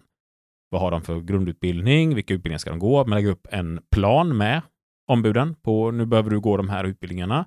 Vilka datum passar dig? Och så gör man en individuell plan för varje förtroendevald. Den här ska du följa. Och givetvis också sammanställa den med klubben. Och då kan det också vara bra att om det nu hamnar i ett läge där man har många förtroendevalda som inte kan gå samtidigt på kurs, att studieorganisatörerna sätter sig ner och tittar på vilka behöver vi skicka första prio, andra prio. Vi har ju kanske någon anläggning där vi har två förtroendevalda som är jätte, jätteengagerade. Ja, men då kanske det inte är högsta prio på att det är tredje ombudet från den anläggningen kommer iväg om vi har en annan anläggning som inte har några ombud. Så att man ändå försöker tänka på hur fördelar vi kunskapen eh, inom tiden som finns tillgänglig. Viktigt att tänka på att det är studieorganisatören inte den som är ansvarig för att se till att rekrytera till eh, studier, utan det ligger på alla fackliga ombud att få sina medlemmar över det ansvarsområdet att gå kurser. Men studieorganisatören har ju det övergripande ansvaret eh, på arbetsplatsen över det som du precis sa här. Att bara säkerställa att folk faktiskt går kurser och, och hela tiden lyfta in det här arbetet i styrelsens eh, alltså planering. Hur får vi folk att gå kurser, ta med i studierna. Vi ska göra en ny eh, förändring i arbetsplatsen. Hur får folk den kompetensutbildningen som behövs, kanske mot arbetsgivaren också, att man trycker på det. Och vi har nyligen satt ihop en studiekommitté hos oss. Och det är inte mer än att tre studieorganisatörer tillsammans kommer sitta ner och ha enskilda möten emellan styrelsemöten också. Och ha extra fokus på utbildningar och lägga upp idéer och planer på hur får vi iväg fler på utbildning. Kanske det är att man bokar upp fem, sex förtroendevalda som åker runt och pratar med alla anställda en gång i kvartalet och visar upp de kurserna som finns för kommande kvartal. Kanske faktiskt jobba med en lista att eh, vilken kurs ska du gå på här? Nu ska alla på avdelningen iväg på en kurs för att vi ska få en stark kunskap. Vilken väljer du? Du har de här att välja på. Och det kan vara ett extremt bra sätt att jobba på det. Man kanske till och med börjar med att ah, nu ser jag att du har inte gått grundutbildningen än, så den får du börja med. Sen kan du välja någon av de här. Och så sätter man ett datum upp en person och skickar iväg dem. Alltså pusha på, det kan aldrig bli för mycket studier. Det är jättebra exempel du tar upp att är det sånt behov av studier eller att man är så stor arbetsplats kan man absolut ha en studiekommitté lokalt som jobbar med de här frågorna. Ja, då får du dra ett riktigt bra tips sen jag ett. Nej men kartlägg eh, arbetsplatsen, hur ser det ut eh, bland studier? Hur många har gått kurser och verkligen jobbar med det här? Och är det någon du vet som tidigare gått kanske kan få den att gå en annan kurs och jobba med mål, både kortsiktiga och långsiktiga? Och jag håller med om samma sak. Och börja kanske fokusera på ett ställe. Försök att hitta en liten avdelning där ni kan få iväg 80 procent av medlemmar från facklig utbildning, eller 40 procent beroende på vart ni står idag. Och liksom börja satsa där och se att det kommer i rullning och börja funka. För då har man något att alltid referera till sen. Ni märkte ju vad som hände med betan på kvällen. När hela det gänget har varit iväg på facklig kurs nu och jäklar vilket liv det är på vad starka de är. Så har man någonting att referera till. Jämställdhetsansvarig. Här är ett uppdrag som handlar om att verka för att klubben ska arbeta på ett sätt så att alla oavsett kön har lika förutsättningar att delta och påverka den fackliga verksamheten tillsammans med klubbens ledande företrädare. Och tanken är att man ska bidra med både kunskap och kompetens till de förtroendevalda. Se till att vi åker iväg på utbildningar, träffar för att få förståelse kring varför jämställdheten är viktig. Och det här kommer vi lägga ett helt avsnitt på. Säkert fler än ett helt avsnitt. Jag tycker att man även ska titta på saker och ting som genus och ärligt talat, vi har ju rätt mycket saker och ting som kopplas till exempelvis ordet förtroendeman och saker som det här. Så man kanske tänker det, så här, vad betyder det? Det är bara ett ord. Men, men det gör stor skillnad kan man se statistiskt sett. Att står man någonstans ska ta på sig ett uppdrag så kommer sådant att påverka. Det gör det. Och det här är definitivt någonting vi måste arbeta med. Mycket mer än vad vi gör ute på klubbarna idag, tror jag. Man ska även bidra med kunskap och kompetens i samverkansarbetet kring aktiva åtgärder. Likadant med kunskap och kompetens i samverkan kring årliga lönekartläggningen. Det här är en del som kan säga att många glömmer innan man börjar löneförhandla, att man gör den årliga lönekartläggningen för att hitta fel. För det kan ju vara att det finns oskyldiga löneskillnader långt innan och det ska ju lösas innan man går in i själva löneförhandlingen. Och där har vi definitivt en sån här sak. Ibland hör man att förtroendevalda säger att vi får inte ut lönlistor, företaget hävdar GDPR, vi får inte ut icke-medlemmarnas. Det, det där är prövat och det är klart att vi ska få ut alla lönelistor. Dessutom har vi lönekartläggningen där alla anställda ska vara med i detta. Va? Så att det är bara att trycka på på den biten. Samma sak när det är löneförhandling, var med i diskussioner, förhandlingar om lönesystem och lönekriterier. Ska det här vara någon i styrelsen? Absolut, tycker jag. Om man nu är jämställdhetsansvarig och inte med i styrelsen då? Det är, alltså, det är inget krav på de konstituerande uppdrag att man behöver vara med egentligen i styrelsen, men det här tycker jag absolut. Man behöver vara med i förhandlingsdelegationen till och med tycker jag. Och jag tycker så här att är man jämställdhetsansvarig och inte sitter med i styrelsen, men då tycker jag man ska vara inadjungerad, alltså inbjuden till alla styrelsemöten som man ändå kan sitta med där. Även om man formellt inte har rösträtt så ska man kunna vara med och se på alla frågor med jämställdhetsögonen. Och vara den som faktiskt lyfter det här. Och våga vara lite obekväm ibland. För att vi har så jävla mycket inrotade mönster vi behöver fundera över om de verkligen är bra. Våra bästa tips, Sebastian? Ja, nej men här är det ju att, som du säger, vara lite obekväm. Kräv din plats att få vara med, liksom, att vara en del av styrelsen. För det här är så pass viktigt att man faktiskt är en del integrerad i styrelsen. Men det handlar också väldigt mycket här om att få det här integrerat i allt tänk. För här är det här klassiska att man sätter det på en person och så är det den som jobbar med de frågorna. Men det här ska genomsyra det hela arbetet som styrelsen har. Och mitt tips är att tänk på det historiska. För 150 år sedan så var arbetaren helt egen klass för sig själv i samhället. Vi hade inte samma rättigheter, samma möjligheter. Sen började vi få lite samma rättigheter, samma möjligheter, men det fortfarande det var en stor distans i både kunskap, vilka roller man får ta, vilken makt man får i samhället. Och den här strukturen ser likadan ut idag, fast med en könsfördelning, bland annat. Och här tycker jag man kan jämföra och titta på vad har man gjort historiskt och hur viktigt var det inte för hela arbetarklassen att engagera sig i det här. Försäkringsinformatör. Du har varit det? Ja, absolut. Jag har lite så försökt nu sista tiden slingra mig ur detta eftersom vi har bildat en eh, egen försäkringsförening som tidigare var en personalförening som sysslade med en mängd olika saker. Men idag har vi en försäkringsförening så att jag ska säga våra aktivare försäkringsinformatörer, de jobbar med att sköta den här försäkringsföreningen och försöka förhandla till bra priser till försäkringar. För att det är ju som så att inom arbetarrörelsen så har vi ju exempelvis Folksam som vi har startat för att ha ett försäkringsbolag där vi inte betalar överpriser, utan alla pengar som går in, de går ut i ersättning till oss om någonting händer. Alternativt gå tillbaka i återbäring. Det här kan vi också ha ett helt avsnitt om. Försäkringsinformatörerna då, ja men de ska vara med och informera om de här försäkringsskydden vi har och det kan ju vara allt från alltså våra AFA-försäkringar som vi har till Försäkringskassans eh, sjuklönelag och allting. Alltså att man har pejl på vad är det som finns och vad är det vi bör skicka efter.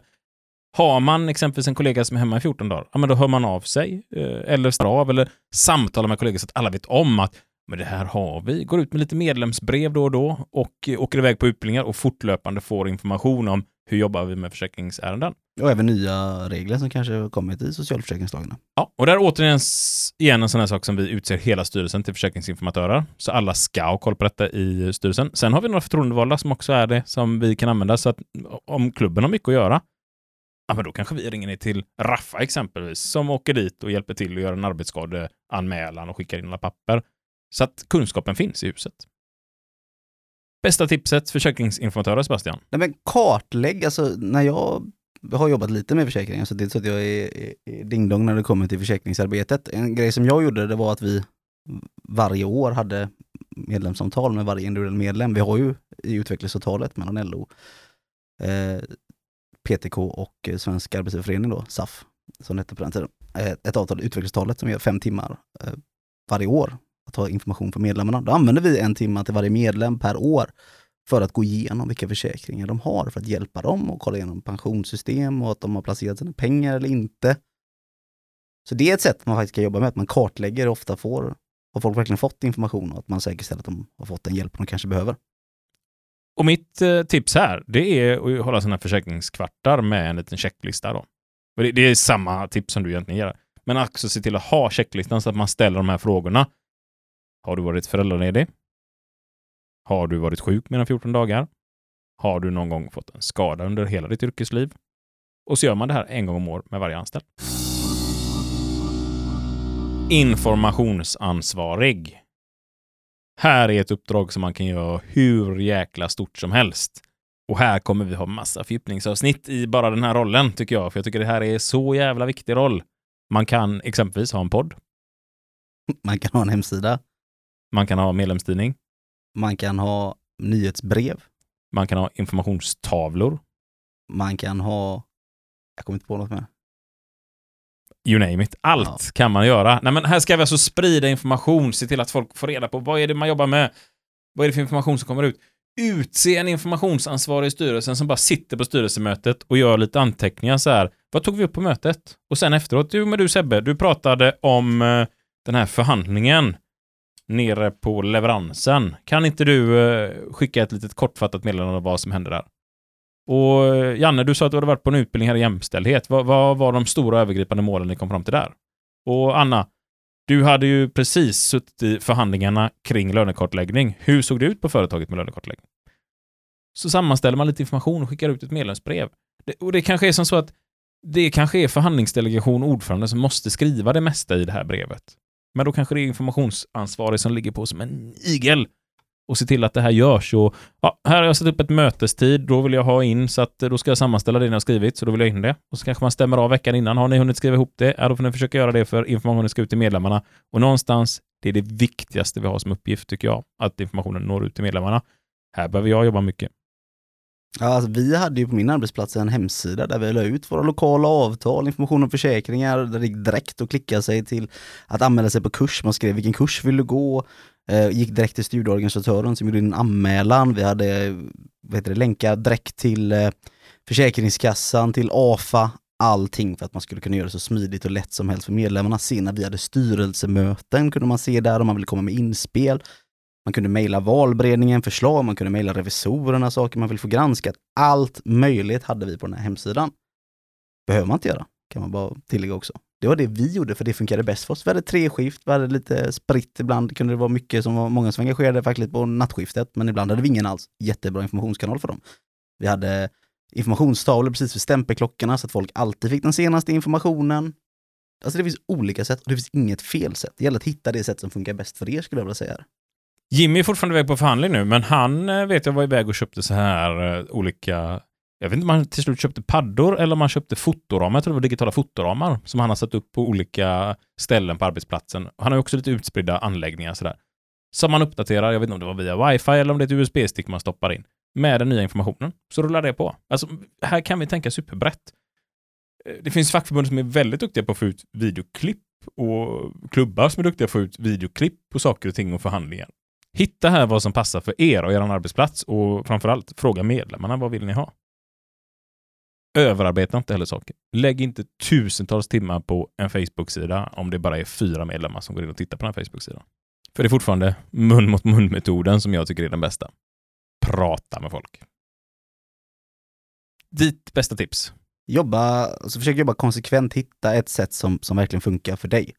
Alltså, förringa inte det personliga samtalet, men gör en mall, det här är det vi får ut informationen på. Det kan vara varje vecka ska man säga att varje onsdag har vi information, även om den är kort eller om det är lite, men att det alltid finns ny information varje onsdag exempelvis då. Så försök jobba på ett sånt sätt. Och mitt är tillbaka till det här tipset med målkartor som är tydliga, bra, där man sätter upp mål som alla kan påverka och vara med i, som vi släpper ett helt avsnitt om. Fackligt politiskt ansvarig. Alltså den facklig-politiskt ansvariges uppgift är ju att i klubben vara drivande i klubbens facklig-politiska arbete. Och här kanske det mer handlar om organisatoriskt och innebär att man i stor utsträckning går ut på att skapa förutsättningar för samtal, kontakter och utveckling. Alltså hur man ska prata med folk, eh, vill man få ut med politiskt budskap? Få folk att aktivt gå och rösta? Men jag kan ta ett direkt exempel som är på vår arbetsplats just nu. Det är ju ett valår i år och eh, då har ju IF Metall en lång lista på våra krav som vi ställer till politikerna. Och den här listan kommer de fackligt-politiska ansvariga oss. De kommer åka runt på anläggningen och visa upp den här. Det här är våra krav. Kan du stå bakom kraven? Så får man skriva under en liten lista. Ja, det här kan jag fan stå bakom. Liksom. Bra, för det är det här vi driver politiskt. När folk säger facken ska inte jobba politiskt, tro fan att vi måste jobba politiskt. Men vi ska göra det på rätt sätt och på våra villkor. Vi ska styra politiken och inte tvärtom. Och här spelar den fackliga politiken en jättestor bit av ansvaret i. Är man på en väldigt stor arbetsplats så kanske jättemånga har till och med politiska uppdrag och då tycker jag det är supergrymt att ha en facklig politisk ansvarig som ser till att sammanställa informationen som kanske kan gå ut till alla medlemmar med ett litet brev då och då och tala om just nu håller våra förtroendevalda på med de här olika typerna av politiska frågor, de här olika forumen. Har du en tanke kring kollektivtrafiken i Tanum? Ja, men ta kontakt med Janne och Berit som sitter i eh, regionen exempelvis. Vad det nu kan tänkas vara. Så att medlemmarna också vet vad är det för fråga jag kan lyfta med vem och vad är det de gör. För att det, det är inte folk känner till, speciellt i de här hemliga regionerna. Som Uppdrag granskning gjorde ett program om här faktiskt. Det, när man inte vet så har man ju ingen aning. Så att det handlar om att sprida den här medvetenheten om hur viktigt det är och vad det är vi gör. Men också även ha, ha en grundläggande kunskap hur samhället fungerar. Att man ska kunna bemöta folks desinformation som kanske finns ute just nu, för det finns ju väldigt stor desinformationskanaler som skapas ifrån ja, främmande makter utomlands exempelvis som vill på något sätt skapa instabilitet i Sverige. Att man är med och kunna påverka och prata om hur faktiskt samhället fungerar. Ja, just nu har vi lite nya regler från EU faktiskt om eh, extra trygghet vid anställningskontrakt och att man ska få reda på lite mer information när man blir anställd. Och det är väl en sån ypperlig sak som den fackligt politiska kan tala om. Tack vare att vi driver saker och ting fackligt politiskt så har vi nu genom EU fått igenom det här. Yrkesombud. Någonting som jag tror att man inte riktigt har överallt, men kortfattat då så för oss är det ett, ett yrkesombud är någon som är ansvarig för yrkesutbildningarna från den lokala fackliga organisationen. Och i vårat fall så har vi ett helt yrkesutbildningsavtal, en bilaga till vårt kollektivavtal som reglerar vilka får vara handledare, Eh, hur ska praktikarbetet gå till, vad har man för villkor när man är ute i praktik. Och ett yrkesombud ska vara med och påverka detta och se till att kompetensutvecklingen från både eleverna och handledarna finns med i tanken hela tiden. Och att, att man känner att det blir kvalitet av de här praktikplatserna. Att det inte bara är att du kommer dit och står och drar in pengar till bolaget, utan att ja, men du har fått en kvalitativ utbildning och vara med där. Jim exempelvis. Han har varit en hel del drivande i detta, till och med uppe på förbundsuppdrag med det här för att titta på certifiering av skolor och lite allt möjligt.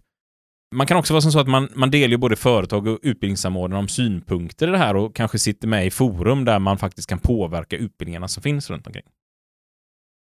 Också ett uppdrag som vi framgent eh, kan ha ett avsnitt om. Och även titta på yrkesutbildningarna som finns runt omkring i landet. Ungdomsansvarig. Det är på den här vägen vi tre lärde känna varandra. Ja, Nästintill. nästintill. Vi har varit unga alla tre en gång i tiden. Det har vi varit. Många människor har varit det. Och också ansvariga. Ungdomsansvarets uppgift är att vara drivande i klubbens ungdomsarbete och att verka för att klubben arbetar på ett sådant sätt att den lockar unga medlemmar att delta och att påverka den fackliga verksamheten. Alltså att skapa ett intresse för facket. Och det här var en sån sak när jag började engagera mig faktiskt. Så, vad vill unga? Sa de. Så, så stod man och tänkte så här. Ja, vad vill män? Vad vill kvinnor? Vad vill människor? Alltså det går ju inte att svara på vad vill unga. Det, det är en jävla skillnad va? Och ibland är det som så att eh, det behöver ungdomar som driver i vissa frågor för att eh, man ska se att oh, andra unga är också engagerade med. Jag kan också engagera mig. Ibland är det så att de under 30 kanske har också lite pejl på vad ungdomarna tar in sin information ifrån och ja, vad är man intresserad av? Och det är klart att när man är ute som skolinformatör så är det schysst att vara lite yngre också. Det, de har lite lättare tror jag och eh, skapa en relation till den som är ändå lite yngre. Men alltså det kan ju vara andra grejer, att man har verksamhet alltså. Det kan vara att man har fritidsaktiviteter som man vill hitta på med medlemmarna på arbetsplatsen och det kan vara ungdomsansvarig eh, roll att ansvara för de grejerna exempelvis. Och ni har hittat på lite allt möjligt du och Jim. Ni tog fram en utbildning där ni tog ett gäng ungdoms... Nu var det ungdomsans... Nej, ungdomar allmänhet. Mm. Ja, precis. Där det, hur påverkar man samhället? Hur får vi in fler unga och påverka politiker? Och då åkte ni upp och besökte riksdagen och politiker och Ja. LO och lite allt möjligt. Och så fick de träffa dem lokalt först i, i Göteborg där de fick se hur jobbar man här för att påverka samhället och sen ta upp det till en nivå på riksnivå. Hur påverkar man där samhället? Hur reagerar de unga som var med i de här utbildningarna?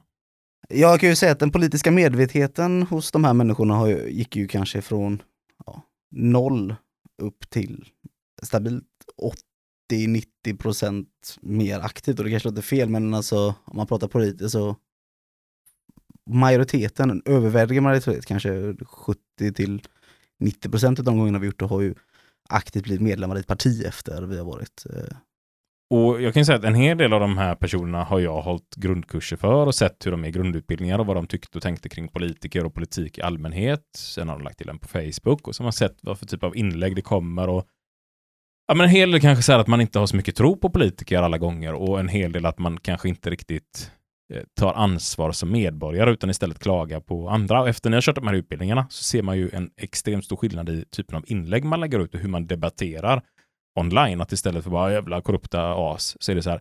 Här finns det olika politiska viljor. Vi behöver göra någonting för att engagera oss. Vi behöver göra någonting för att påverka. Man att de skriver till de politiska partierna. Och det är ju det vi vill. Alltså egentligen vill vi att alla i hela samhället ska arbeta på det sättet. Jag tror vi skulle behöva en sån både gamla griniga gubb och tantansvariga också. Likväl som ungdomsansvariga. Men här har vi valt att fokusera på det extra. Ja, nej men i det här fallet, jag tycker det, det är en, kanske en, en missanvänd roll att man bara placerar ut den på någon som är ung. Och så behöver det inte självklart vara, även om det är fördelaktigt. Men det handlar om att skapa, eller hitta en person som, som gillar att skapa förutsättningar för att få unga engagerade i, i facket. Jag såg någon sån, eh, vad heter det, statistik för några år sedan som visade under finanskrisen hur det såg ut med de förtroendevalda. Att de förtroendevalda var mer eller mindre kvar, men de hade bara blivit några år äldre när man såg liksom som snitt. Det är inte ett bra tecken, utan det ska alltid fyllas på underifrån hela tiden. Om man ska ha en fackförening om 30-40 år. Och då måste man ju ha någon som aktivt jobbar för att skapa engagemanget hos de unga. Sen tycker jag också att ibland sysslar vår ungdomskommitté med lite saker som kanske inte direkt är öka medvetenheten i facklig kunskap och politik, utan håller en fotbollsturnering exempelvis. Som kanske Jim och Isak eh, är med i. De kanske får ihop ett riktigt eh, halvdant lag, men de kämpar så jäkla mycket att oj, oj, oj, oj, här kommer den! Silverstatyetten lyfter Sebastian fram här som står i poddrummet här. Och vad står det på den? Eh, andra pris i IF Metallcupen 2022. Yes. Så, sånt kan de ju också göra, vilket eh, höjer glädjen på... Kan man inte öppna den här? på nej, den är nog inte den. Okej. Putsa Oj. den efter ett tryck. Nej, men exempel som vi hade, ungdomsansvarig var också bemanningsansvarig, någonting vi hade hittat på en egen konstituerande roll på vår arbetsplats. För att de flesta ungdomar som kom in var bemanningsanställda. Och då inte för att exkludera dem så var den här personen som hade lite extra ansvar tillsatt samtal och dialog sköttes med den nyanställda, eller den nyinkomna på arbetsplatsen, det vill säga bemanningsanställda, att den fick ett mottagande. Det låg ju självklart på alla, men vi säkerställde det genom att vi hade en bemanningsansvarig vars extra roll var att ha lite extra koll på det här. Och det var också en kombination med ungdomsansvarig. Så, här- så här tycker jag vi ska tänka superfritt i våra klubbar. Alltså vad är ett problem åt oss? Ja, men då kanske vi ska utse en person som har lite extra ansvar för detta. Utöver det, trycka på styrelsen, få extra kunskap i frågor och saker och ting. Vi pratade om, hos oss faktiskt om att eh, ha en person som var lite mer på dyslexi. För att vi har en stor del av våra medlemmar som, alltså, det är ett yrkesarbete, många hoppar av tidigt i skolan och kanske berodde på att väldigt många hade läs och skrivsvårigheter eller annat runt omkring. Och varför inte ha en ansvarig för detta som jobbar med den typen av vidareutbildning som kan finnas där som folk vet att ah, men det finns en i klubben jag kan vända mig till om jag känner att det är jobbigt att åka iväg på utbildningar, det är jobbigt när jag ska in och leta information på internet. Och då finns det en person man kan kontakta där man kan få lite stöd, vägledning och råd ifrån. Och extra bra om det är en person som själv har dyslexi som det faktiskt var hos oss när vi hade tanken att dra igång med detta. Ja, men det, det kan vara att man, man behöver inte ha en informationsansvarig, man kan ha en som är hemsidaansvarig, man kan ha en som är sociala medieansvarig. Allting handlar om vad ni själva vill göra. Så ni ska inte försöka låsa fast er i att det måste vara på ett visst sätt bara för att vi har sagt upp det. Det här är bara några exempel på konstituerande uppdrag. Det finns ju betydligt mycket mer och där, där får man ju kolla på vad behöver våran bransch, vad behöver vårt företag, vad jobbar vi i klubben med som vi kanske behöver lägga extra fokus på eller vad jobbar vi inte med vi behöver lägga extra fokus på. Stora industrier brukar ju ha någonting som de kallar för MTM-ansvarig, som mätning, tid, människa tror jag det heter, eller? Nej. Jo, förlåt. Det är det. Ja, se där. Nej, metod är det. Metod? Okej. Eh, nej, men där man helt enkelt tittar på tidsstudier och är med och mäter så att facket har en person som är påläst och med i detta så att man inte blir blåsta och blir helt överkörda. Alltså man får verkligen ta fram vad är branschspecifikt, vad behöver vi, vad behöver vi lägga fokus till för att få det riktigt, riktigt, riktigt bra för medlemmarna. Så att verkligen tänk, vad behöver vi? Men det ska ju inte vara heller bara att hitta på uppdrag för att hitta på uppdragets skull. Alltså som jag brukar säga, ett uppdrag behöver också ha en målbild. Vad vill styrelsen sen med detta? Vad, vad är det för behov för medlemmarna? Och vad ska personen göra? Så man inte bara har 70 uppdrag bara för att, ja, där vann jag flest Pokémon-kort, jag har flest uppdrag. Det är ju inte målet, utan det ska ju vara att man har någon som kan jobba med det, eller vill jobba med de här frågorna också. Nu har vi gått igenom en hel del uppdrag. Jag tänker att vi har ju två typer av uppdrag som kanske inte är direkt kopplade till styrelsearbetet, men ändå är värda att gå igenom. Fyra fingrar lyfter upp nu. Det finns säkert massa mer uppdrag också, men om vi börjar titta på det med revisor. Vad är revisorns uppgift för en styrelse? Alltså revisorns uppgift är att granska att styrelsen följer de besluten de har fattat, att det finns en ekonomisk koppling till alltså beslut. Alltså om man har tagit ett beslut på att göra någonting, att man, eller handla någonting, att det finns ett beslut i styrelsedokument eller en delegationsordning som säger att man har rätt att genomföra det här. Den är ju personen, eller medlemmarnas utsedda att granska styrelsens arbete. Här tycker jag också det är en sån här sak som att ta med revisorn någon gång ibland på ett styrelsemöte. Det ska ju inte bli så att man blir polare med revisorn och går ut och käkar middag varje dag med revisorn va? Men ha med revisorn på ett styrelsemöte så den ser vilka det är som sitter med, hur tar man besluten, är alla delaktiga? Alltså revidera lite mer än bara kassan. Tas beslut på ett bra sätt? Känns det som att det här är demokratiskt? Kommer alla till tals i den här styrelsen? Eller är det en enmansshow? Jag tycker ta med revisorn där. Ja, jag brukar ofta se att vanligtvis så granskar styrelsen den ekonomiska berättelsen och ser till så att allting sköts och så. Varför har man inte någon som också granskar, eller varför ser man inte också till att granska verksamheten, att den genomförs så som man faktiskt har sagt? För det ska man ju göra. Det gör våra revisorer. De är ganska duktiga på det tycker jag. De kollar så har ni tagit de besluten ni ska? Har ni följt upp de besluten? Har ni genomfört detta? Och de kan ju fråga så här, men här står det ett beslut om att ni skulle förhandla kring pensionerna. Har ni gjort det? Jag kan inte se något protokoll på att ni har gjort det. Mm. Oj, det har vi missat att ta upp på ett styrelsemöte, eller det är inte med. Här är protokollet från det. Svinviktigt. Vi hade två pärmar, det stod protokoll, det stod ekonomi, med kvitton då. De stod tillgängliga på kontoret, jag sa till eh, revisorerna, ni kan när som helst bara knacka på och säga jag vill kolla pärmen. Bara för jag uppskattar en attack. Razzia ska det vara. Det ska vara sån attack, jag ska känna så här, liksom, nu vill vi granska. Ja. Men det, det ska de kunna göra. Jag tror att det är bra. Rent mjöl i påsen. Sen har vi valberedning. Valberedningens roll här, och där, där, får man särskilja att det ofta visar att det finns ett valberedningens förslag och det är ett förslag. Vem som helst kan nominera och, och, och, och har vilken som helst rätt att föreslå personer. Men valberedningens jobb är att försöka hitta som ett en fotbollslag. Man kan inte ha ett fotbollslag med 11 stycken anfallare utan man försöker hitta några backar, några mittfältare och en målvakt. Och det är lite det man som valberedning har ett uppdrag att göra. Se till så att får man vid spridning så att det inte kommer alla från en avdelning utan man får från olika skift. Eh, blandat kanske över, ja, men som du har olika anläggningar. Även vissa bolagsstyrelser är duktiga på att ta med en målvakt, men det är en helt annan historia som, vi, som Daria pratade lite om faktiskt i avsnittet om arbetslivskriminalitet. där. Mm. Men visst är det så, alltså vi ska ha en bra sammansättning där, som inom mitt yrke så har man en mängd olika tjänster. Kanske man ska titta på, är alla tjänster representerade i en styrelse? Har vi folk av olika åldrar med? Olika bakgrund med? Det finns ju rätt mycket man kan tänka på för att få med alla medlemmars tankar och synpunkter in i detta. Återigen, valberedningen, låt dem också vara med på ett styrelsemöte. Ge dem tid att intervjua alla, ställa frågor, vara med, vara var delaktiga. Jag tycker det värsta som finns är när det är en valberedning som inte har någon pejl riktigt, utan de kanske bara frågar med ordförande, vad tycker du om styrelsen? Då blir det verkligen en sån enmansshow. Utan det behöver ju vara aktivt. Man behöver ringa upp, hej Sebastian, du är styrelseledamot här. Ringa upp. Kommer man till med och träffa, liksom, sitta ner. Så här, vad tycker du om styrelsearbetet? Hur funkar det? Alltså, kanske ta fram en hel lista med olika frågor man går igenom och ha nästan som ett litet eh, ja, utvecklingssamtal. Ja, vad tycker du är kul? Vad vill du jobba med? Så att det också kanske lägger sig förslag vidare sen till styrelsen. Jaha, jag hade ingen aning om att du Isak var intresserad av att driva en hemsida. Så att eh, valberedning kan man också göra jättestort. Det tycker jag också att vi ska göra ett helt avsnitt om valberedning. Slutligen då, som de två sista punkterna vi tänkte ta med här, som ändå är ganska stora, som jag tror förtjänar lite mer än bara ett avslut på ett poddavsnitt. Huvudskyddsombud och skyddsombud. Konkret, när det finns mer än ett skyddsombud så ska ett vara huvudskyddsombud. Huvudskyddsombudets roll är att samordna de övriga skyddsombuden i arbetet kring arbetsmiljö.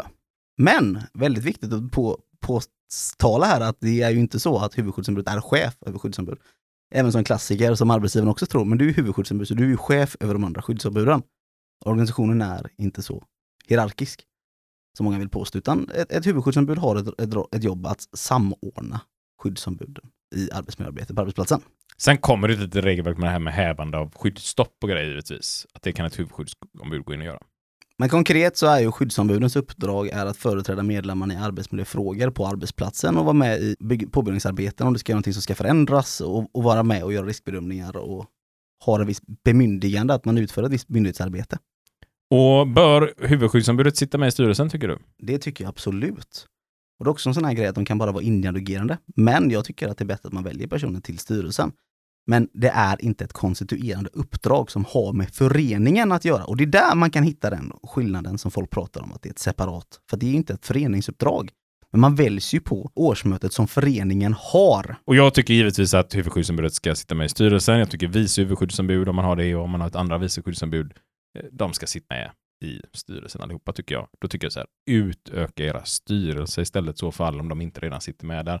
Det är så otroligt viktigt att vi jobbar med arbetsmiljö och arbetsrätt ihop och klumpar ihop det, för att det går inte, tycker jag, att dra en, eh, en gräns däremellan. Nej, utan det är bättre att ni jobbar tillsammans, för oftast jobbar ni med samma frågor fast ni attackerar dem på olika håll. Och samordnar istället då, hur ska vi lägga upp det här? Med de orden så känner vi oss nöjda med det här avsnittet. Ja, det är lite långt, men vi hoppas att du som har lyssnat har orkat hänga med här. Skriv frågor, tankar, idéer. Jag vet att det sitter människor här ute i landet som har fler andra typer av uppdrag. Skicka gärna in det, för vi gör gärna ett uppföljningsavsnitt till det här, kanske om ett, ett par månader när vi har fått in mycket medlemsbrev och medlemsidéer. Och alltså, hur jobbar ni med organisering och allt mellan himmel och jord där? Vad, vad, vad tar ni fram? Vad, vad lägger ni extra fokus på i er verksamhet? Ja, det vet jag att det finns de där ute. De har alltid från organisatörer som bara vars enda jobb är att rekrytera medlemmar och rekrytera. Det kan finnas mängder med uppdrag och jag vet att ni sitter på idéer och sitt inte på dem själva. Sprid ut dem för guds skull. Det är därför vi gör det här. För att vi ska dela på kunskapen som vi alla har. Ja, för det här är en sån diskussion vi hade när vi var ungdomsansvariga. Så vi behöver podcast. Mm. Och så kändes det inte riktigt som att vi fick igenom våran idé någonstans där att det nappade och så höll vi på med så mycket annat och så till slut så bara tänkte vi så här, nej nu, Vad gör vi nu det? gör vi det. Ja. Nu gör vi det. Och då gjorde vi det. Halvt. Det tog tre år. Eh, Så att den här podden är ju egentligen väldigt gammal i tanken. Säkert tio år i tanken och nu har vi kört i två år i alla fall. Det tog åtta år att komma dit. Och det är väl åter en sån sak jag vill skicka med er. Skrota inte gamla idéer, utan ja, men, har ni inte tid nu, skriv ner dem, lägg dem på hög. Jag, jag tycker inte det finns någon skam i att ha ambitioner i en klubb att någon gång gör vi detta. Har ni nu en sån här drive, ja men ha en sån långsiktig planeringsfil där ni bara skriver in visioner och sex timmars arbetsdag, hemsida, egen podcast, eh, videoklipp i DVD-format eller vad det nu kan tänkas vara. Bara dra det på en lista. Om tio år sitter det nya förtroendevalda där som öppnar den här listan och tittar på den och bara shit vad bra idé de hade, varför tog de aldrig tag i detta? Nu har vi bättre teknik, lättare möjligheter att göra det, nu kör vi på. Med de orden, Säger vi tack och hej. leverpastej. Vi hörs! Hej!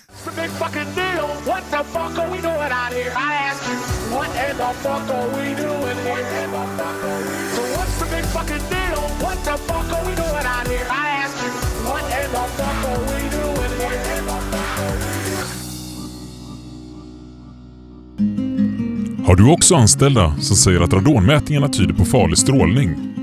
Att man inte får arbeta på tak utan sele? Eller att kontorets vattenläcka måste åtgärdas? Kanske är du som oss på MBF och tycker att det går ändå. Tveka inte, kontakta oss. Så skickar vi dig en HR-specialist redan idag. Obs! HR står för hot och repressalier och saknar hos kompetens. MBF Management by Fear since 2008. Håller du på och bygger om och är trött på höga renoveringskostnader? Då ska du kontakta oss på Kristerssons Bygg. I över 30 år har vi jobbat med kollektivavtalslösa aktiebolag och konkurser för att slippa betala för semesterdagar och dyra kollektivavtal. Vi skräddarsyr en lösning för dig. Kontakta oss på fulltösavtalslös.se. Wow! Det kan ju inte bli bättre det här. Tummen upp. Kristerssons bygg. Ja, för helvete. Prospis Terastra Piqua Chapo.